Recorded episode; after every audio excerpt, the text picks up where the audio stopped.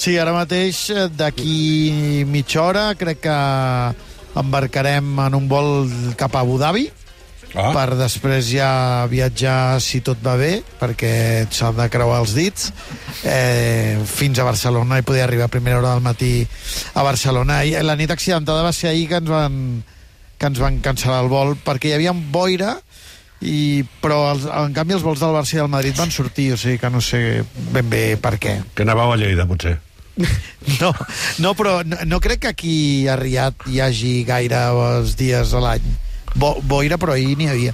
Bé, I vam també et dic vam- que no sembla el lloc més plujós del món i el Dakar ha plogut com si ho haguessin d'avorrir Sí, sí, i sí. vosaltres heu passat fred aquests dies que heu estat per allà. Sí, Bé, el, sí. eh, potser és el canvi climàtic així a l'engròs.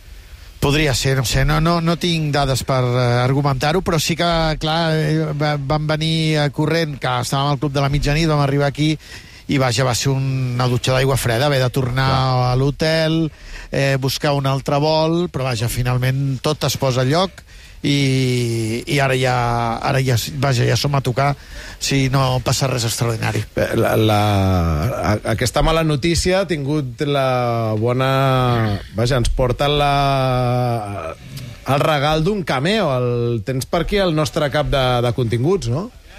¿Qué tal? ¿Cómo estén? Vital. Buena ta- Míralo. Ah, Víctor, no tal. què tal, Marcos? El Marcos, un Molt bé, habitual de, dels dilluns. Sí, eh, Marcos, disculpa, he venido a tapar el agujero. Con... Aquí es al Haré- revés. Haré lo posible. No, no, aquí es al revés. El maestro es usted. O sea, nosotros somos los los los, los Ansu Fati, esto que sale para, para Los jóvenes, así. vamos. Bé, abans, abans d'entrar de- de- d'obrir el laboratori del Ricard formalment, Marcos, eh, satisfet Digues. amb el que vas veure ahir? Sí, sí, hombre, sí, sí, sí, sí. Un gran partido del Barça, un gran plan de Xavi, una excelente lectura del partido por parte de los jugadores y un punto de partida para entender que este equipo puede jugar así. Es verdad que el Madrid jugó mal, pero yo siempre pongo el foco en el que juega mejor y el Madrid jugó mal porque el Barça le hizo jugar horrible. Y a partir de aquí ahora supongo que Ricardo explicará mejor que yo todo lo que ocurrió en ese plan de partido, pero para mí un dato fundamental, que es que el Barça ha ganado tiempo.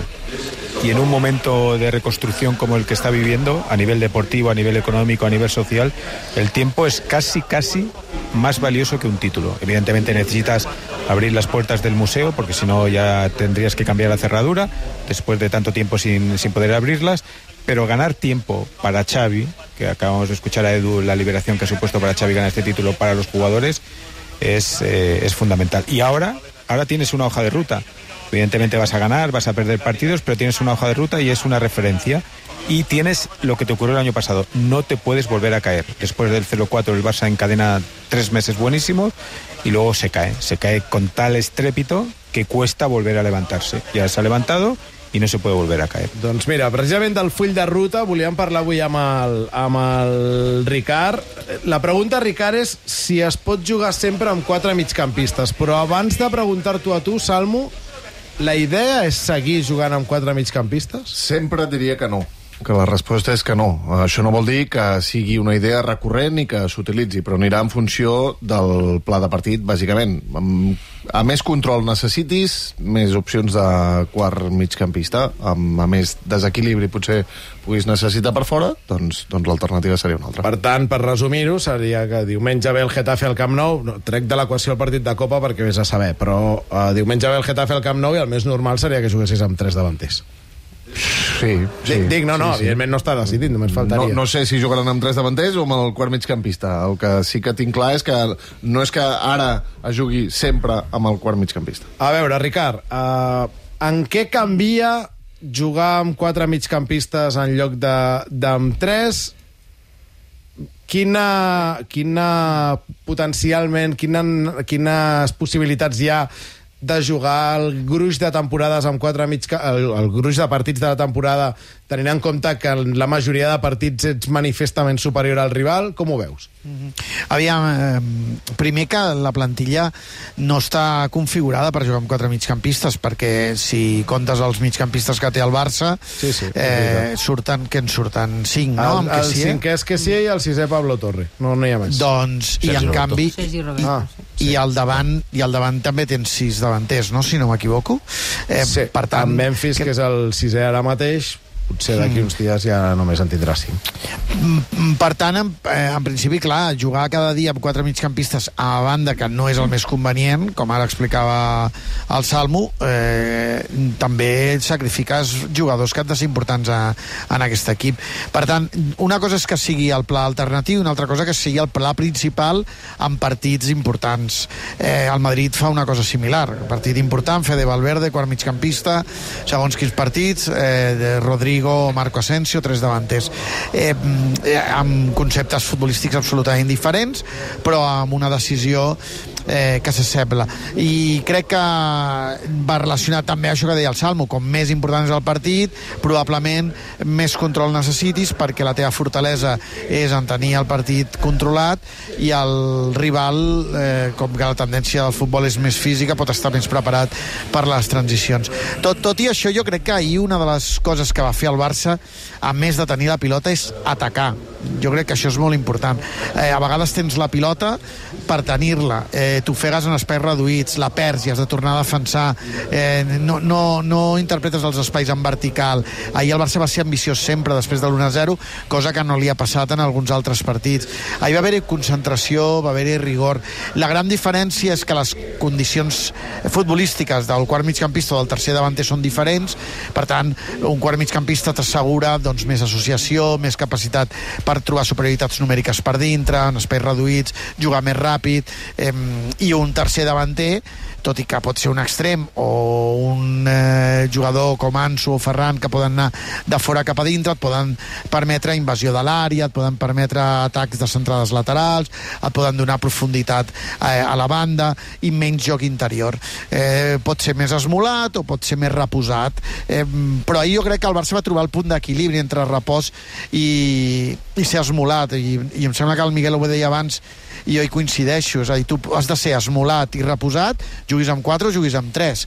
Eh, L'escenari te'l canvia el rival i has de saber on trobaràs els espais, si els trobaràs per dintre els trobaràs a l'esquena de la defensa. Eh, eh, cada cop els, els equips tenen molts més matisos i per tant eh, et pressionen més a dalt, et pressionen intermig, en això sí que ha canviat eh, diríem que el futbol i tu has de saber veure quina escena hi ha en cada moment i com, a, i com aplicar-la.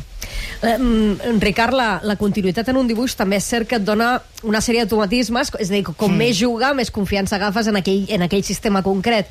Aleshores, tu um, ja ens ha explicat el Salmurri que la idea és que no, que la idea és anar mm. en funció dels partits. Però tu creus que si aquesta ha de ser l'aposta en els partits exigents, la dels quatre migcampistes, el Barça ho hauria d'agafar aquest com a model principal, principal i l'altre com a recurs?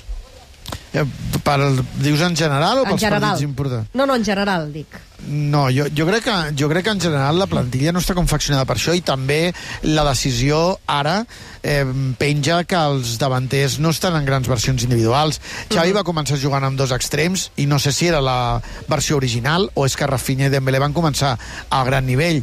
Va arribar al partit del Bernabéu, eh, com deia el Miguel, i coincideixo, eh, l'equip es trenca, l'equip eh, eh, no funciona, les versions individuals ja no són tan bones, dels tres del davant, recordeu el partit del Pizjuán i el, i el debat sobre si l'equip havia de ser molt més directe, havia de transitar més, perquè els tres del davant estaven eh, marcant diferències individualment. Eh, clar, ara Ferran no està bé, Ansu no està bé, eh, o, o, o ha estat bé des de la banqueta, Rafinha no està bé, eh, i els quatre migcampistes estan molt bé. De Jong està fent la millor temporada, Gavi i Pedri mantenen el seu nivell, i Busquets en contextos com aquest és el millor Busquets. Eh, per tant, també hi ha moments de temporada en què eh, la situació de, eh, anímica, emocional, futbolística dels individus pot condicionar la decisió. Però compte, una cosa que el Barça també feia la temporada passada i que no fa gaire aquest any és eh, eh, introduir el quart migcampista mm, des d'una posició de lateral, per exemple. Xavi ho va intentar amb Alves amb molta més sort que amb Alba, però tots dos ho van intentar, i aquest any, en canvi, ho estem veient molt poquet, i Sergi Roberto és lateral, l'estem veient molt anar per carrils interiors, però no juga posicional, i també pots tenir quatre migcampistes amb un lateral i tres extrems. Eh, és a dir, que els matisos per posar gent per dintre eh, són il·limitats. I el que sí que li convé i és sa per l'expressió col·lectiva i la personalitat que la Laia explica que Xavi demanava a l'equip és tenir molts jugadors per dintre com més jugadors per dintre tens, més línies de passada obertes, més superioritats numèriques més seguretat per eh, traslladar la pilota eh, més eh, convicció en què domines el partit. Eh, i jo crec que eh, això Xavi diríem que eh, sap que és innegociable